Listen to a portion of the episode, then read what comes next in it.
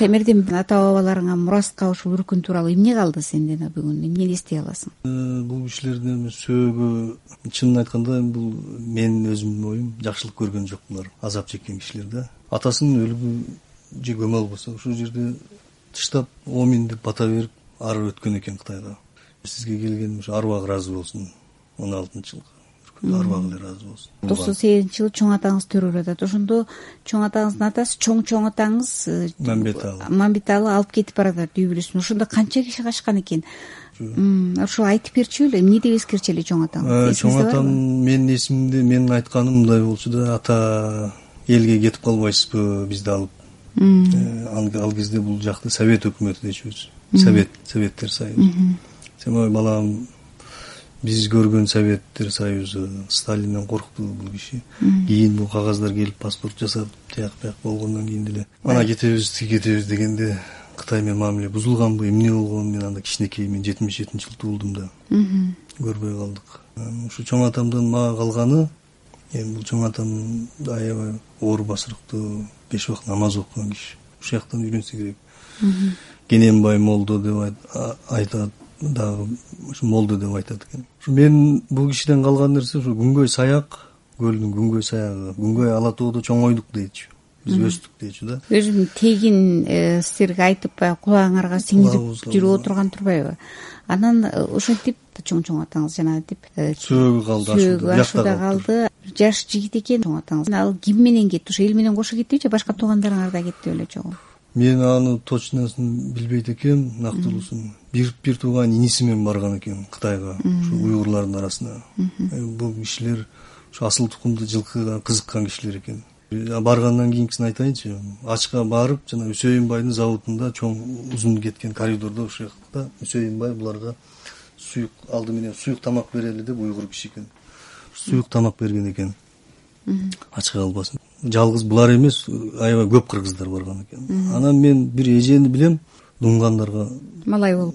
Малай болуп ал эжени мен көргөм өз көзүм менен азыр каза болду го дейм. Эже сиз кыргызсыз мен саякмын дечү. Аябай жарыктуу кишилер ал. Ал кишилердин да көзү өттү. Анан бир чакен деген аба бар кулжада. Таруудан бозо жасап сатып ошону менен оокат кылчу. Чакен аба сиз каяктан болосуз десем айтчу. Мен советтин кыргызы мен кытайдын кыргызы эмес. Ысык көлдүн кыргызы болом түптүн кыргызы дечү мурту чыйратылган киши болчу. Бир эски шляпасы бар эле бир кийип жыртык жыртык. Бул мен бала болчумун анда. Сексенинчи жылдын ортосунда бияктан барган подарка кылып берген экен белекке ушу байкуштун башынан тыштабай ал киши каза болду. Эки уулу бар бек турсун анан кийин бекбосун деген.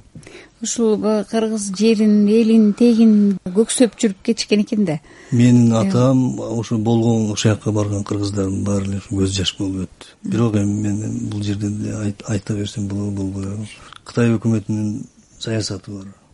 Жетимишинчи жылы жапаркулду кытай компартиясы малы көбөйгөндө бул советтен качып келген качкын бияка келген. Бай чарба деп ал жерден атылып кете жаздаган экен мал жаны менен барган экен да анда ушул жок мал жанын өткөргөн эмес. Барып шинжаңдагы аблаш кангун деген жерде дуңгандарга жалданып иштеген экен кайран кишилер. Малай болуп иштеген. Ушунда иниси куса болуп кийинки жылдары ушу каза болуптур султанкул ата. Кашкарда да э? Жок кулжа шаарында. Кулжа шаарында кулжа шаарынын дөңмали уйгур конушунда ошол жердеги султан убайыс мазары дегенге койгон экен жапаркул ата сексен алтынчы жылы мен бардым биз табытту көтөрүп бардык. Кышында каза болду. Калың уйгурдун арасында ушу арпа ичинде бир буудай мага бир эле кызыктуу нерсеси мен ушу чоң атамдын калың уйгур калың кытай калың дуңган э? Эже. Өзүнүн тилин унуткан жок.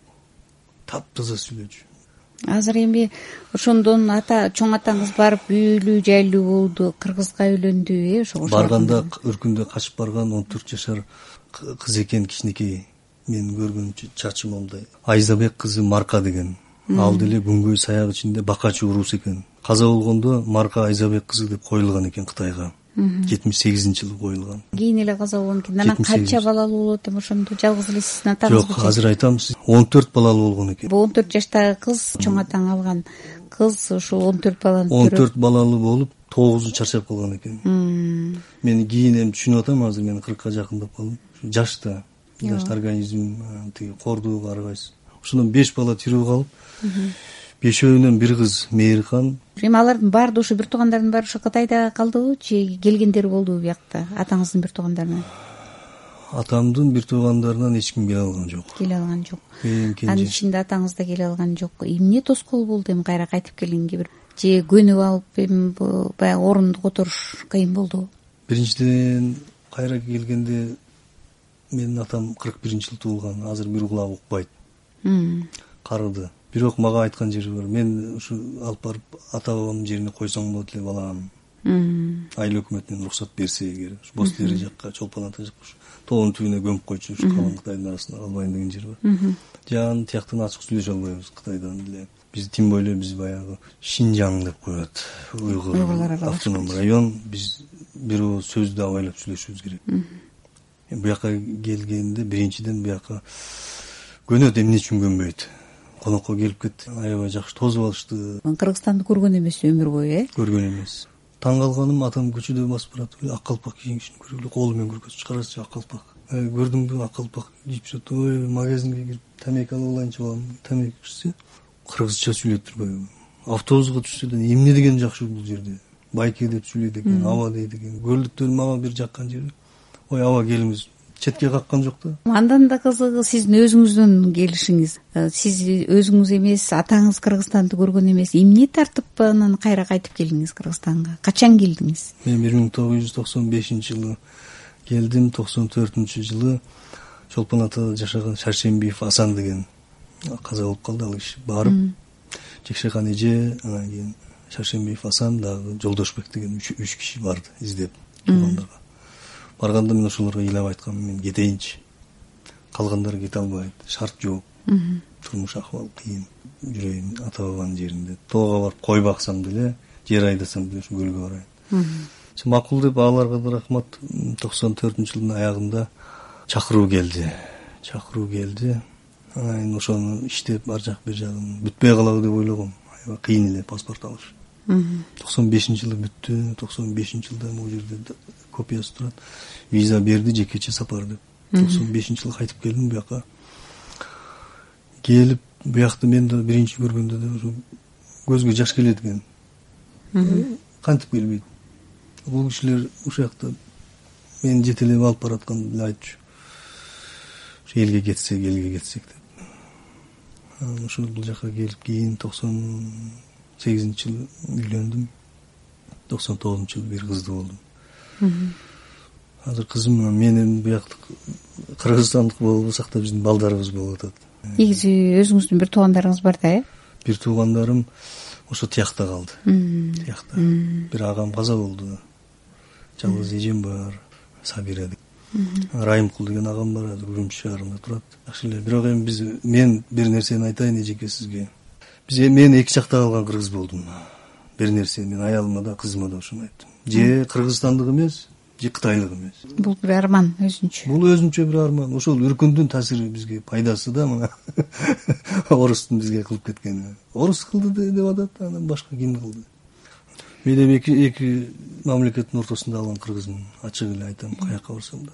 Же кытайлык эмес кытайлар баары бир мени признавать этпейт орусча айтканда. Тиги жерде кыргыз улуту тарых турат. Бул жака келсем паспортумда туулган жер кытай дейт. Сиздерге ачык эле айтам мен тияктан тааныбаган кишиге кантип айтам? Кытай дейт да мени ким айтат мени? Кыргызмын деп айтпайт. Капа болом капа болом кошуна коломго айта албайм кытайдан келгенимди каяктан болосуң көлдүк балам болду ошону мен кантип айтам